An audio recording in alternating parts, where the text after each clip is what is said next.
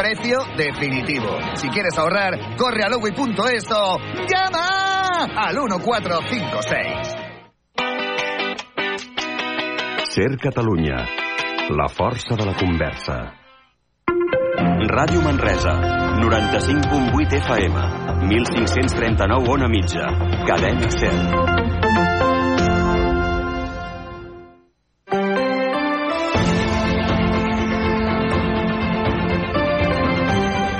Hora L, Catalunya Central. Eli Pagant.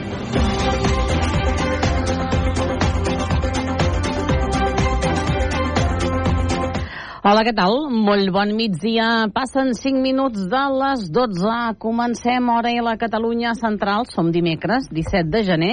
Hores ara continua plovisquejant a la ciutat de Manresa i les temperatures avui més altes. 10 graus hores d'ara al centre de Manresa.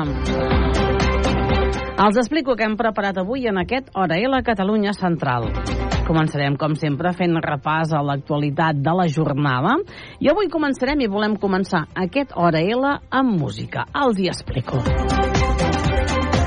La cantant i compositora bagenca Anaïs Vila llença el segon i últim pensament del que serà el seu quart disc. Després, la setmana vinent nosaltres podrem parlar amb Anaïs Vila i aquest nou disc, que de fet surt a la llum la setmana vinent, però ja ho saben que el que fan darrerament els cantants doncs, i compositors és anar traient miquetes d'aquest disc. Doncs avui en volem escoltar un bocí, volem començar a fer boca d'aquest nou disc de l'Anaïs Vila, que com dèiem sortirà la setmana que ve amb aquest títol Ara sempre. Avui en aquest hora a la Catalunya Central començarem escoltant aquesta, aquest segon avançament d'aquest Ara i Sempre amb una cançó que es titula Un bici. Pel dia gris, començar amb música. I avui en aquest hora la Catalunya Central els volem parlar d'una nova edició de la Innocentada de Manresa. Ja ho saben, aquest espectacle, aquesta representació teatral, una de les més tradicionals de la ciutat de Manresa, que torna i torna ja. És la 67a edició i es titula Sobre Roca 13, sobre Roca amb K. Una entrevista amb de la nostra companya, la Tània Rodríguez, amb el Jordi Gené. Avui en aquest àrea la Catalunya Central també tindrem la participació del nostre company, el Quim Roura. Fa dies parlàvem nosaltres en aquest programa d'aquest mural que s'ha instal·lat al barri de les Desconides de Manresa en homenatge a la gent gran. Doncs bé, el nostre company, el Quim Roura, ha pogut parlar amb dues de les veïnes pintades en aquest mural. Són la Paquita i la Lola. I avui és dimecres, per tant també ja ho saben que quan faltin aproximadament uns 10 minutets per arribar a la una del migdia ens n'anirem fins a Hertrens Manresa i parlarem de l'actualitat del cor. Avui qui ens acompanyarà en aquest programa és la Marta, unes revistes del cor que segueixen molt centrades en la Casa Reial de Dinamarca amb aquest petó amb aquests nous reis que hi ha a Dinamarca, però també tindrem temps de parlar i de la que continuen les picabaralles entre Ana Obregón i el seu exmarit, Alejandro Lecchio, Alejandro Lecchio i totes i més notícies del cor que han sortit doncs aquesta setmana també la ruptura, una nova ruptura novament es veu que han tancat moltíssimes vegades Risto Mejide amb la seva actual nòvia. Tot això serà quan acabem aquest Orela, quan ens anem fins a Hertrens Manresa.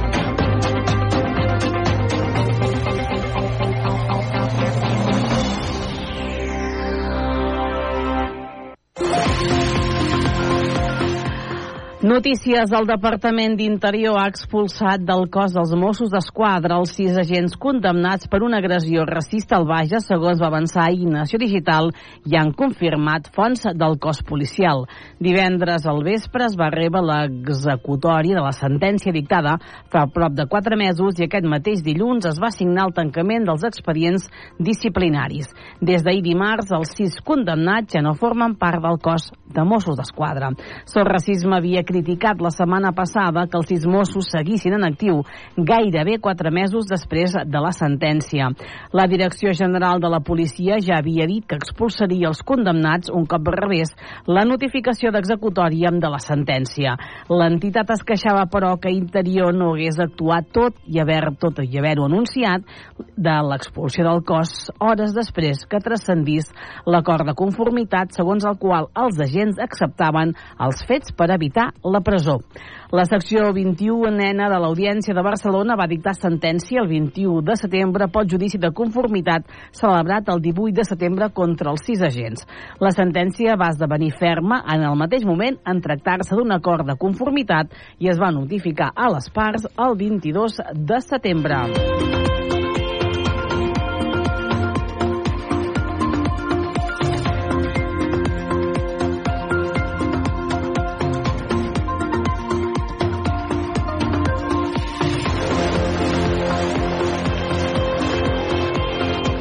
La plataforma Només Morts a la C55 i la Federació d'Associacions de Veïns de Manresa fars de denunciar l'alta sinistralitat de la C55 en el seu tram sud i de veure que les autoritats, segons diuen del Departament de Territori i Govern de Catalunya, es fan l'orni i renuncien a ocupar-se de resoldre els greus, les greus eficiències que pateixen els ciutadans de la Catalunya central, han convocat una nova, una nova un nou tall, una nova concentració, un nou tall de carretera. S'ha programat per aquest mateix dissabte al punt quilomètric 17,2 davant de la benzidera del túnel de Bogunyà.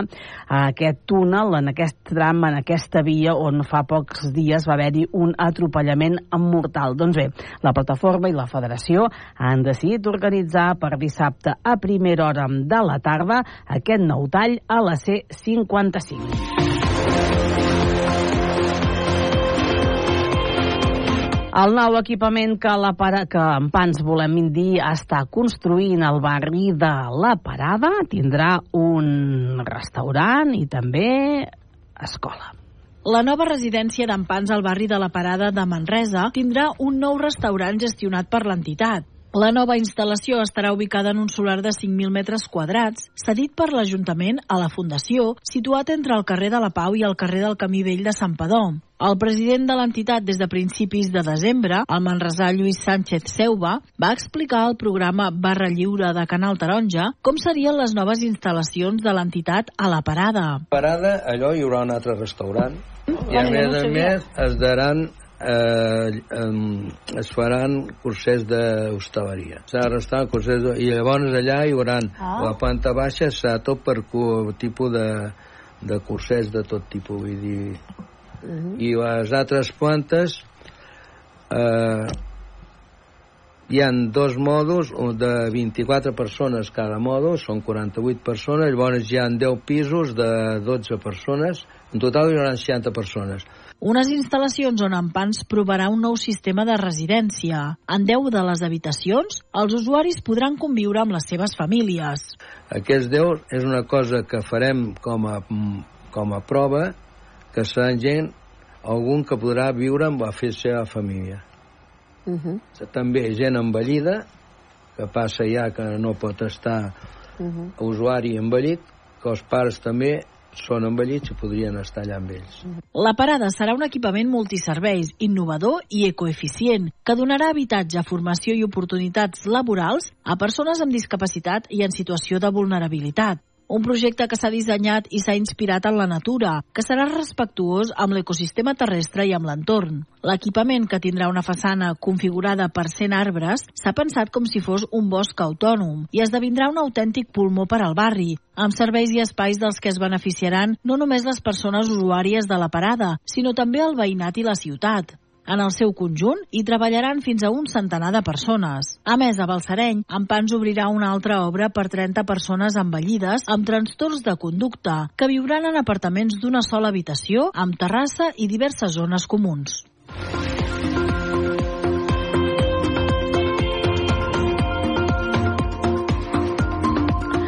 La nova llei de muntanya que es vol aprovar a finals d'any preveu un òrgan que doni poder de decisió al territori La futura llei d'alta muntanya, que preveu sotmetre's a informació pública al març i podria aprovar-se a finals d'any, d'any contempla un nou model de governança. Així es vol reformular el Consell General de Muntanya i aconseguir que sigui el territori el que tingui el poder de decisió. L'àmbit d'actuació de la norma serà el de l'Alt Pirineu i l'Aran i les comarques del Berguedà, Ripollès i Solsonès.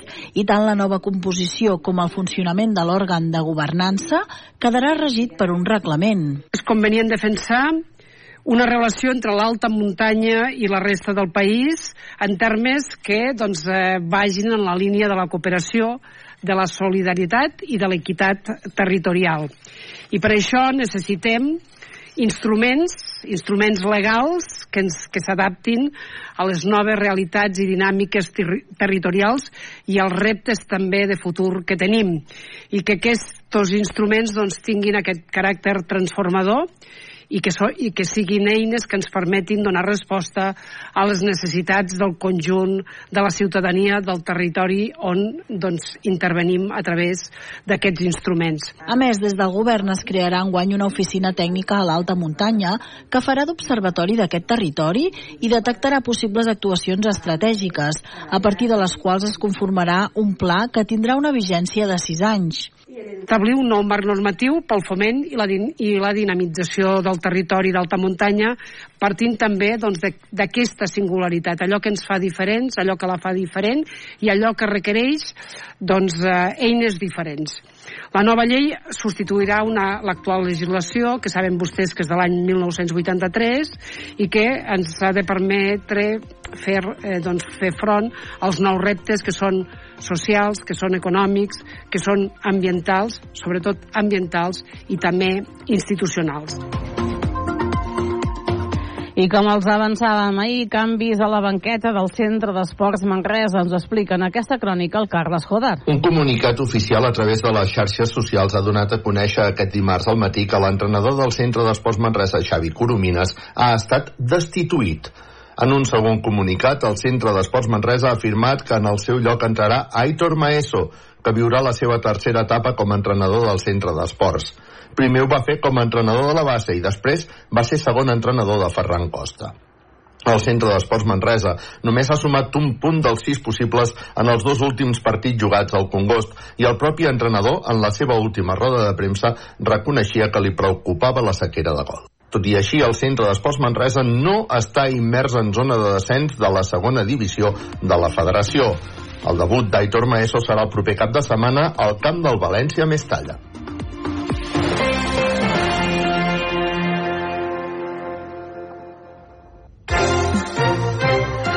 Doncs anem per les portades. Comencem amb el diari Regió 7, que en la seva edició digital explica que el padró d'habitants creix a totes les comarques i en especial a la Cerdanya i al Moianès. També expliquen que Sant Vicenç de Castellet supera els 10.000 habitants, que suposarà un ajuntament de 17 regidors. També explica el diari Regió 7 que a partir d'avui una patrulla vigilarà el barri vell de Berga diàriament i que la regió central va tancar l'any amb un increment del 2,56% en les afiliacions a la Seguretat Social. Anem seguint aquest repàs, anem fins l'Aquí Berguedà, que titula en portada que l'Ajuntament de Berga planteja convertir la carretera del Castell en una via de sentit únic. El sentit de circulació serà d'est a oest i el canvi aniria de bracet amb una millora a la via que connecta la carretera de Sant Llorenç amb el polígon de la Vall d'An.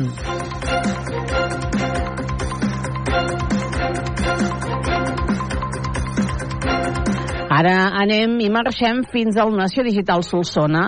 El centre sanitari de contractarà, el centre sanitari del Solsonès, contractarà un agent de seguretat per les nits de Carnaval atenent a les demandes i peticions formulades pel personal del centre sanitari. Aquesta és la portada del Nació Digital Solsona. I acabem anant fins la comarca de la Noia, ens n'anem fins a l'infoanoia.cat, concurs per convertir en postal la millor imatge de cada un dels municipis de la comarca de la Noia. I també expliquen que els igualadins Paul, Paul Macuri i Albert Junquera participaran a la Oman Desert Marathon.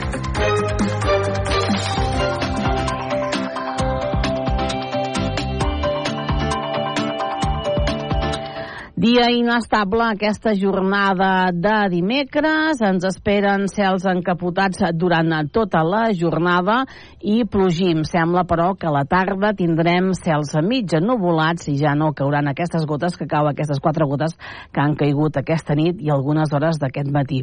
Avui les màximes que seran força altes i és que avui podrien arribar en alguns punts de la Catalunya central arribaríem als 20 graus de màxima. Demà serà un altre dia d'impàs a l'espera doncs, del canvi de temps que ens hauria d'arribar aquest divendres i que ens hauria de portar, creuem dits, pluges generals.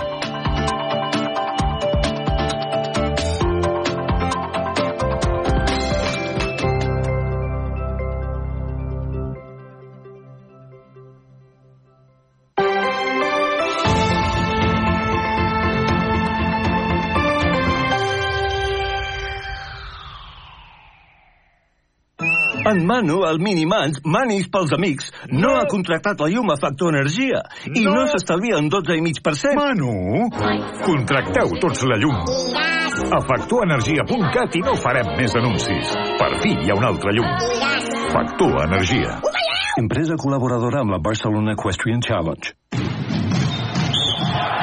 Bàsquet a Ràdio Manresa. L'equip encapçalat per Carles Coder i Josep Vidal t'ho expliquen tot el detall, amb prèvies, narracions, entrevistes i anàlisi de cada partit. 95.8 FM, radiomanresa.cat i aplicacions per iOS i Android. Aquest dissabte, a partir d'un quart de nou del vespre, Thunder Palència, Baxi Manresa. Amb el patrocini d'Equívoc Albert Disseny, la taverna del Pinxo, Expert Joanola Fotomaton, Control, Frankfurt Cal Xavi, GST Plus, Viatges Massaners i Clínica La Dental Doctora Marín.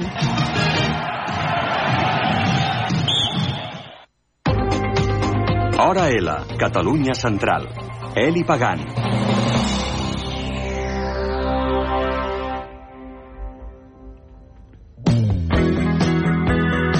Doncs com els hem explicat, avui volem començar amb música, amb aquesta peça de l'Anaïs, amb aquest Un bici que forma part del seu darrer treball i que surt la setmana vinent. Repasso normes i artificis, em passen de llarg tots els solsticis i a vegades encara t'espero. Has canviat el vincle amb la meva mirada. Has establert que allò va ser de passada, però a vegades encara t'espero.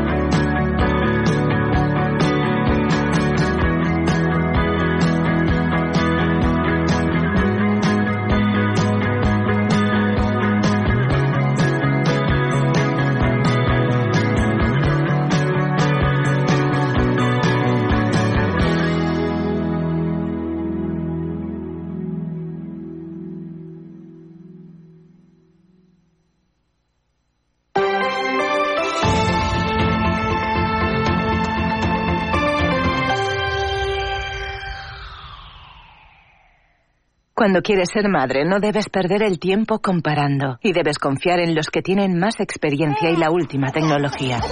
Entra en desheus.com y pide tu primera visita gratuita antes del 31 de diciembre. Estamos en Barcelona, Sant Cugat, Sabadell, Reus y Manresa. ¿Y tú? ¿A qué esperas? Cumple tu sueño en Shows Fertility. El cap li girava. Subministren energia i ara ens ajuden a produir-la! No! Doncs sí, i es diu autoconsum. Instal·lació, finançament i autoconsum compartit. Comunitats de veïns, unifamiliars i empreses. Benvinguts a la revolució energètica. Factorenergia.cat Per fi hi ha un altre llum. Factor Energia. Empresa col·laboradora amb la Barcelona Equestrian Challenge. Hora L, Catalunya Central. Eli Pagant.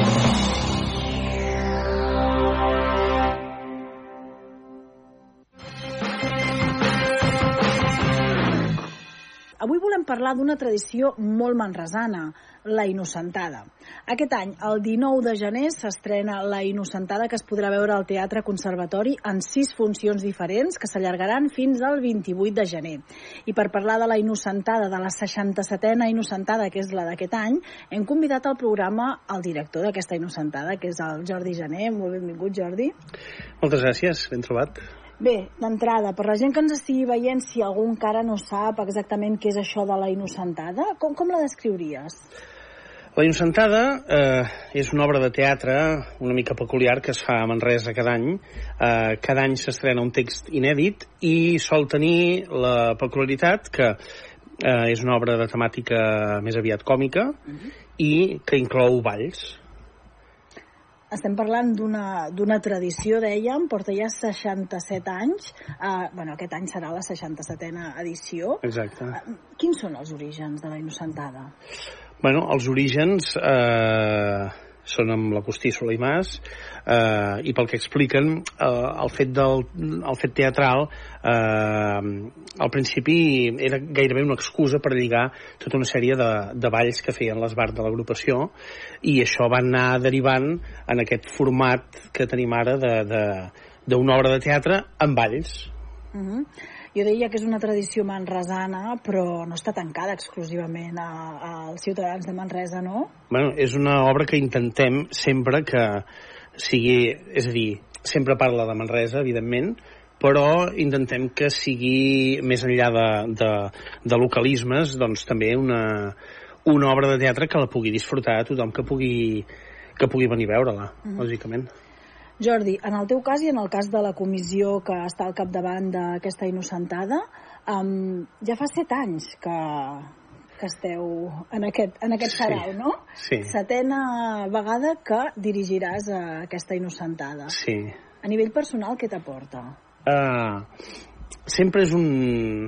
Eh, clar, no, no, vas tirant, no? Vas fent any rere any i no i a vegades amb el dia a dia tampoc no tens massa temps de parar a pensar, no? Però eh, sempre és, és eh, jo sempre ho dic que és un orgull poder dirigir un espectacle tan, tan emblemàtic com la Innocentada i quan t'atures un moment i pares a pensar que això, que ja en portem set eh, dius caram, no? Perquè tinc molt present el, la primera, no? Que, que va ser el moment en què em van proposar aquesta direcció i, i, i bueno, va ser un repte i, i any rere any anem, anem superant el repte que realment suposa cada any eh, mm, portar la direcció de- d'aquest espectacle, no?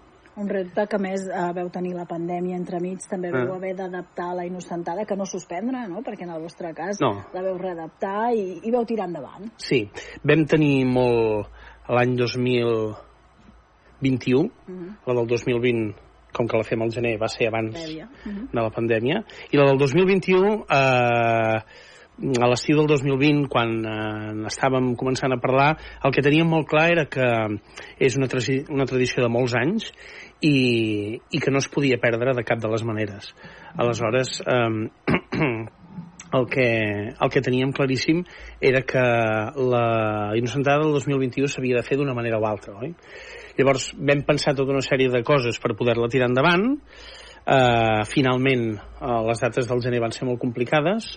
La vam posposar pel maig i un dels recursos que havíem pensat per poder-la tirar endavant era tenir dos repartiments. Uh -huh. Llavors el que ens vam trobar al maig és que vam fer la primera setmana de funcions amb un dels repartiments i la segona setmana eh, no la vam poder fer per aquests casos de Covid que ens trobàvem i llavors eh, es va quedar un dels dos repartiments sense poder fer funcions.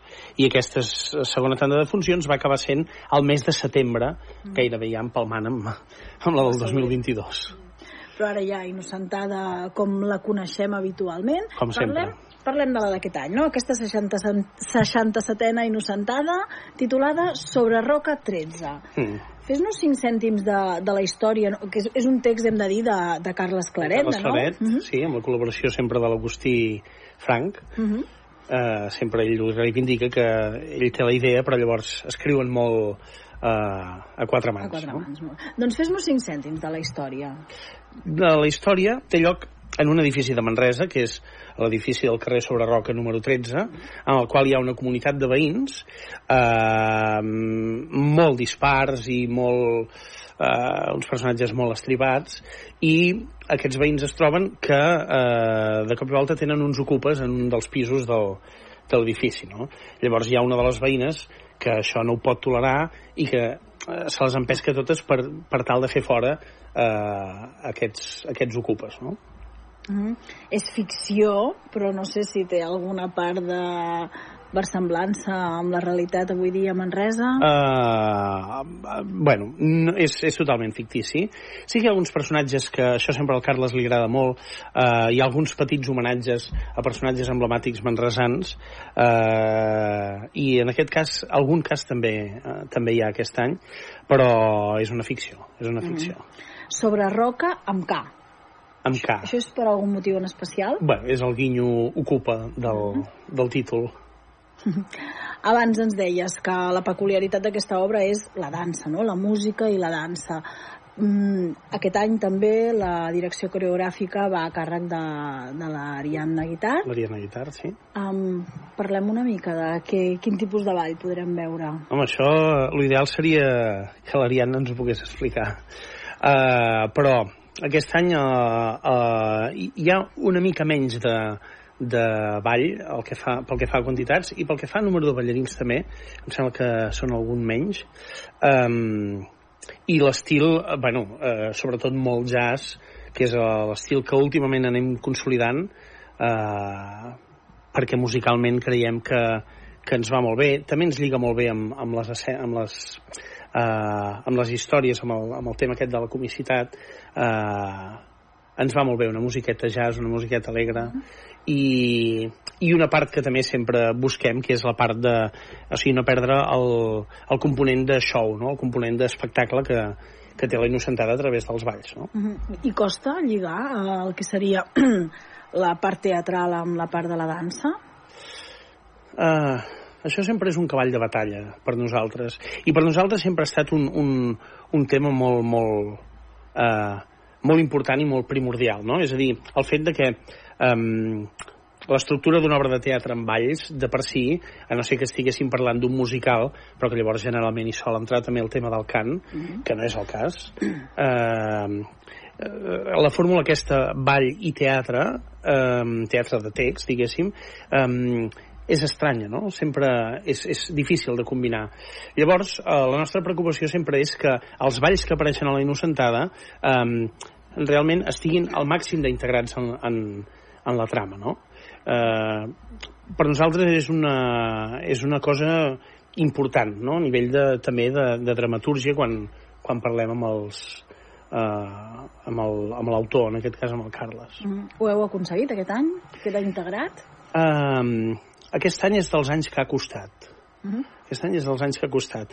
Um, S'han s'han donat una sèrie de circumstàncies. D'entrada, un text que era molt, molt, molt, molt teatral i, i que convidava poc a l'espectacle, no? Uh -huh.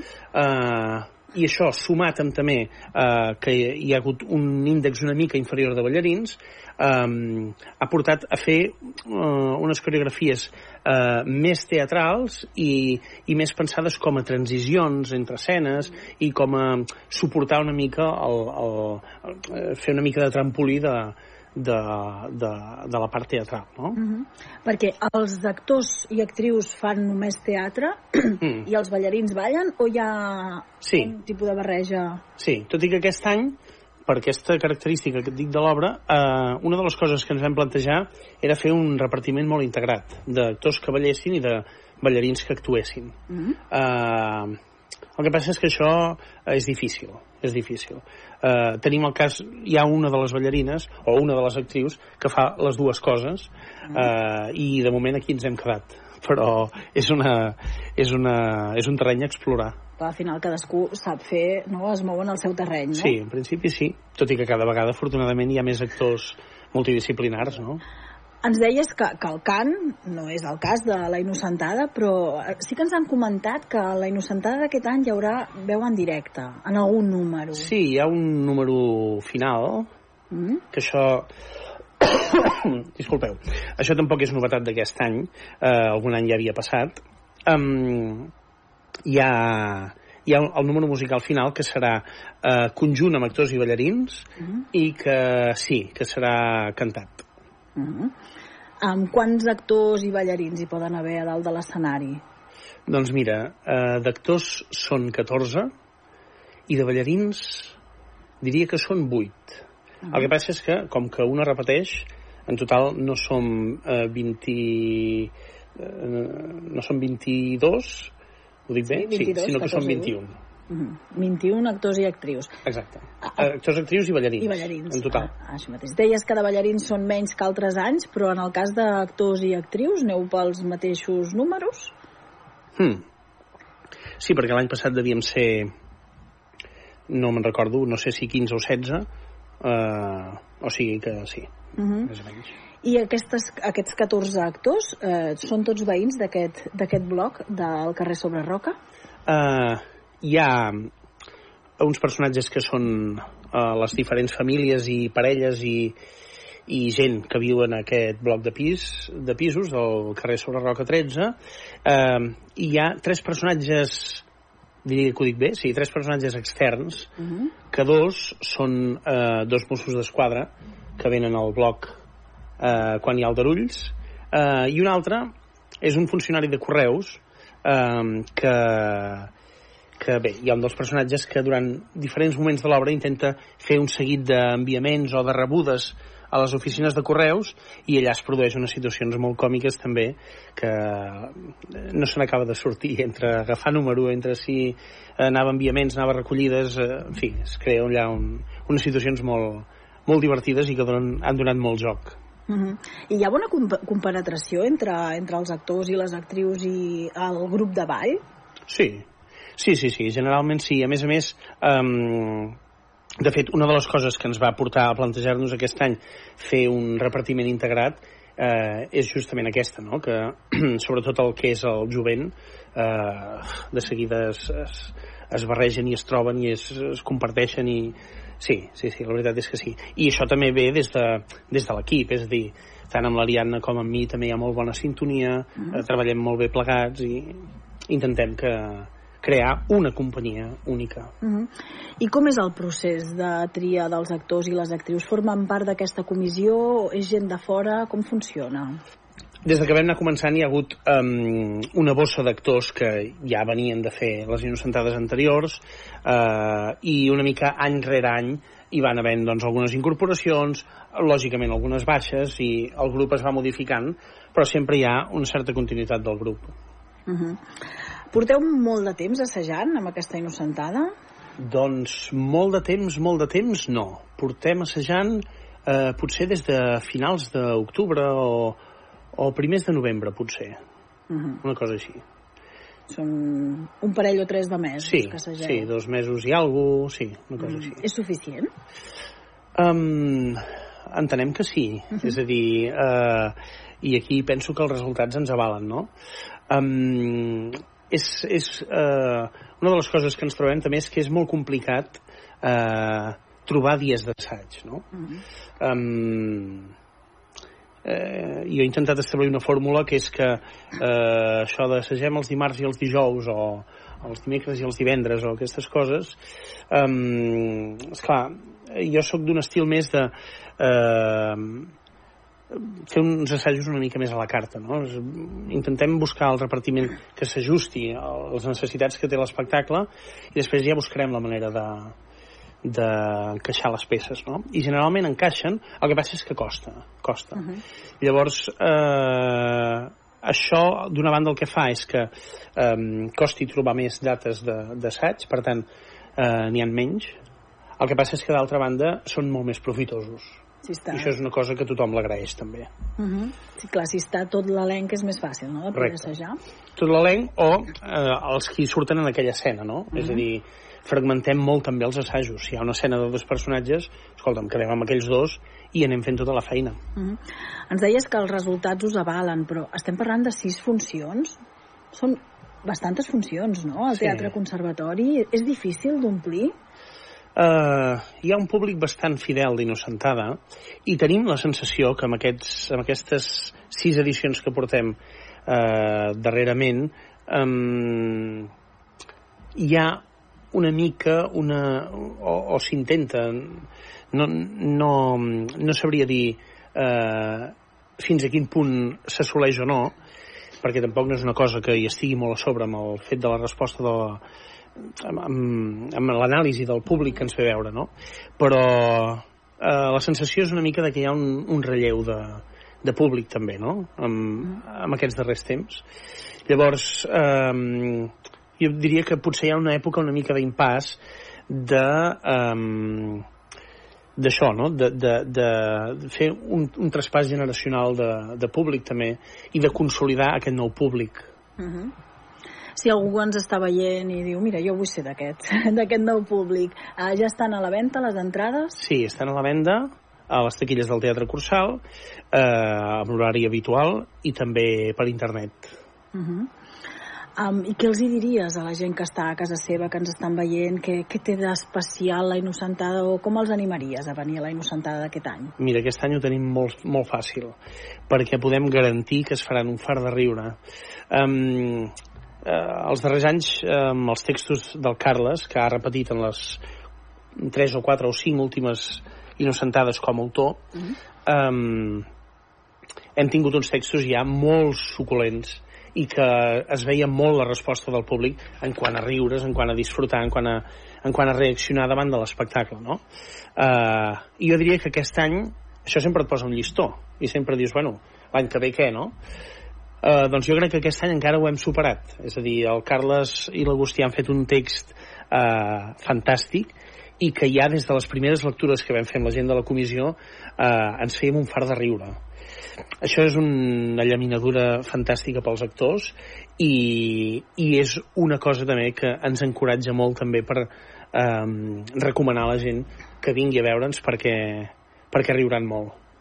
Bé, doncs ja ho saben. Si volen venir a veure sobre Roca 13, no? aquesta innocentada d'aquest any, amb els passis, s'estrena el divendres dia 19, la setmana vinent, 19 de gener, a dos quarts de nou del vespre. Serà divendres i dissabte a dos quarts de nou Mhm. i els diumenges a les 6. A les I 6 de la tarda. el cap de setmana següent, exactament igual. Repetim horaris. Per tant, poden triar horari. Sí, eh? I tenim dia. sis funcions per triar i remenar. Molt bé, Jordi, doncs moltíssimes gràcies i molta, molta merda, no?, com diuen. Gràcies a vosaltres.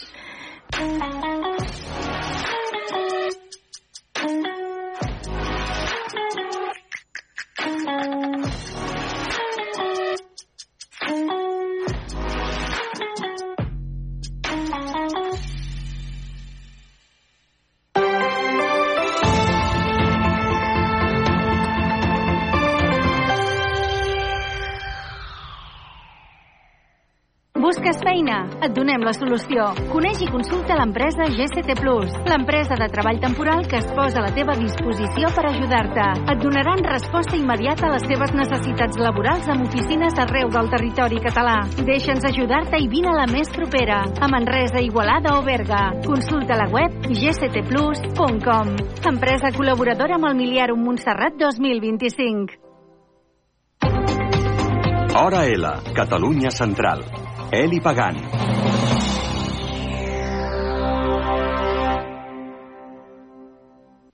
Som al barri de les Escudines de Manresa, un barri que aquest mes de desembre ha volgut homenatjar a la gent gran i ho han fet pintant aquest mural. Per què decidit fer aquest homenatge a la gent gran? Bueno, primer de tot perquè crec que s'ho mereixen. Hem de dignificar la bellesa, hem de visualitzar la bellesa.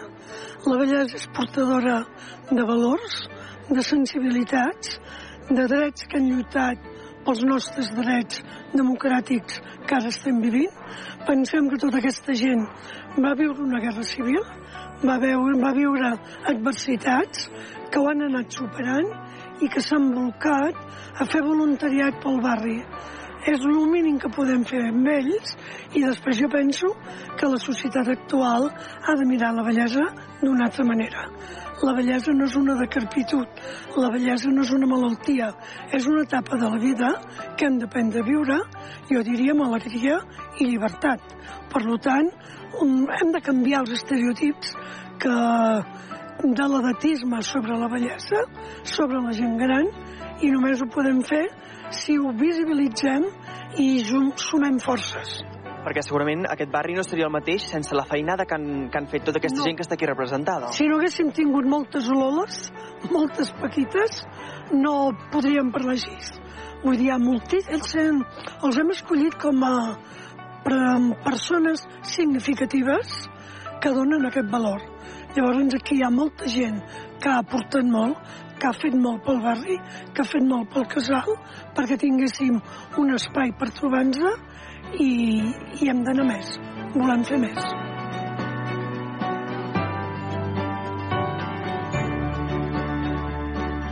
Ens acompanyen la Lola i la Paquita, dues de les veïnes de barri de les Escudines que estan en aquest mural de la gent gran. Um, què suposa per vosaltres ser en aquest, en aquest mural? Lola.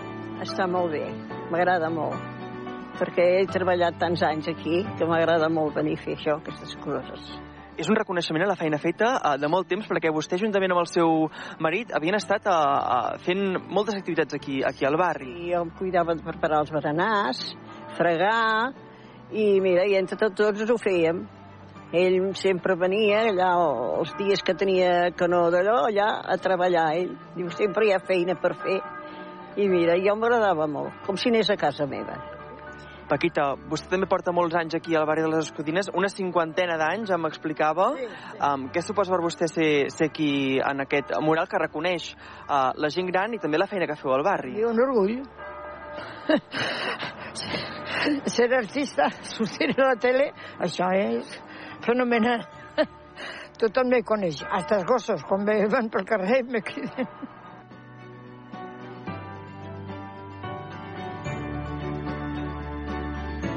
Què té aquest barri? Pues té de tot. Té de tot, sí. Però, bueno, a mi m'agrada viure. Ja està. Per vostè, Lola, què té aquest barri que, que, sigui, que, que tinguin un record tan, tan bonic? L'únic, pues jo de sempre, és que com que hi anàvem tant a ballar, anàvem a ballar molt, quan feien festes, després del berenar feien un ball, i venien els músics i ballàvem, i com, com jo me'n sabia molt, pues jo m'agradava molt de ballar i abans m'alegrava perquè escollien a la, a la, d'allò de, a la pubilla del barri i passaven, feien una, una posada, el, els torbocaires i tots, i a poc a poc tot això s'ha anat acabant. I aquí en la iglesia de, aquesta iglesia d'aquí, que cada diumenge venien a missa, ara fa anys està tancada, i són coses que es trobes a faltar, però és la vida. Tot se comença i tot s'acaba.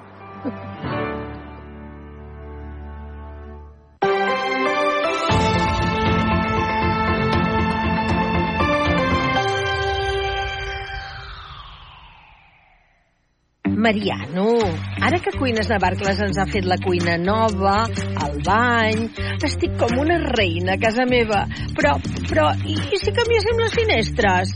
Cuines Navarcles te les posa d'alumini i queden tan maques. Mariano!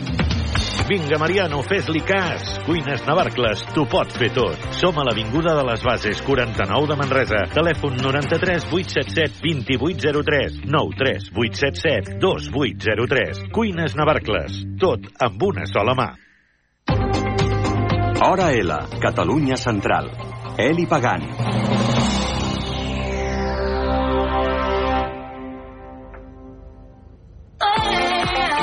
High Trends Manresa, carrer Girona 30, 93 874 89 63.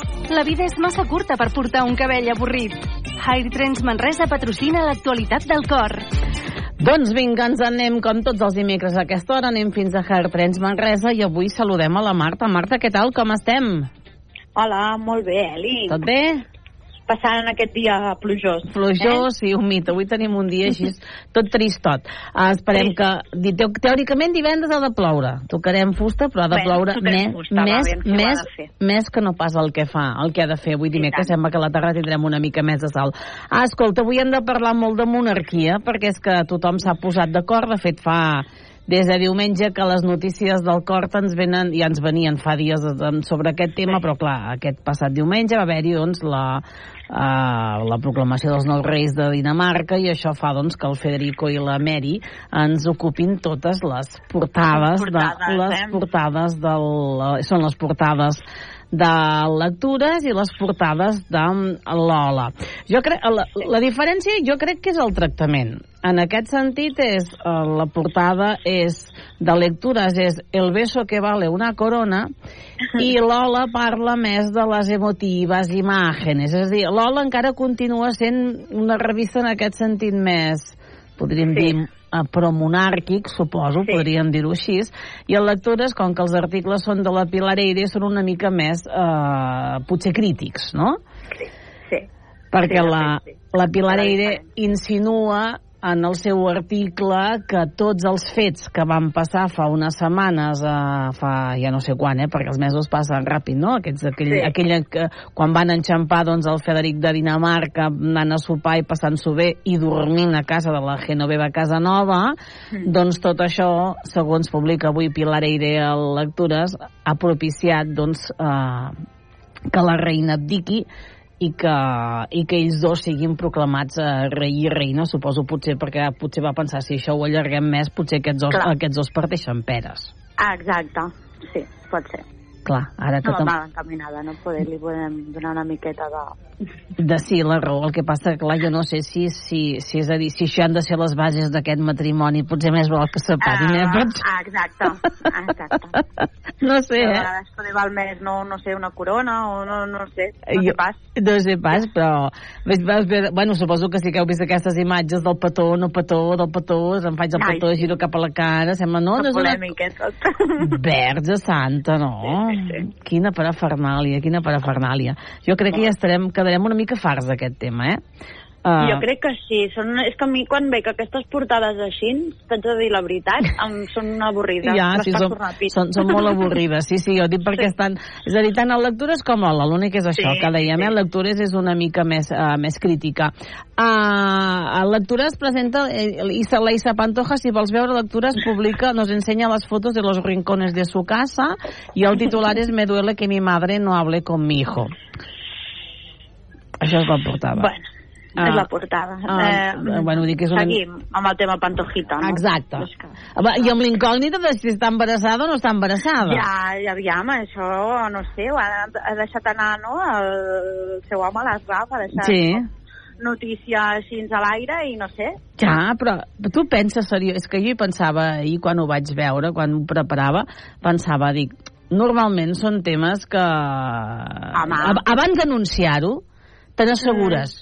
Assegurar-se, primer de tot això. Primer, primer ens n'assegurem, no? Perquè I aquests, doncs, ja exclusiva aquests no és a dir, tengo una falta, Però- ja ho dic, mira, és que mi mujer tiene una falta, no? I ja, i bueno, ja, però escolta, poden passar moltes coses, Moltes eh? coses, jo, el primer clar. que vaig pensar, dic, aquests ho fumen allò a raig de, uh, a raig de càntic, Bueno, però... perquè jo crec que volen estar allà tots al peu de mira. Ja, sí, sí. Aquest senyor representa que està tancat en una casa perquè jo amb tants programes ja em perdo.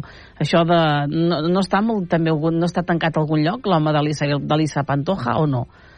Aquest no... Sí, Ah, està, està al GH Duo. el GH Duo. Vale, vale. Sí. És que, vale, és que Ara jo... Ha començat fa poquet i Ah, està allà dintre. també que està. tancat, vale, Sempre hi ha que- d'haver-hi algun pantoja per Ah, per la algun, cadena. algun, algun, algun, tancat en algun lloc ha de ser-hi aquest home.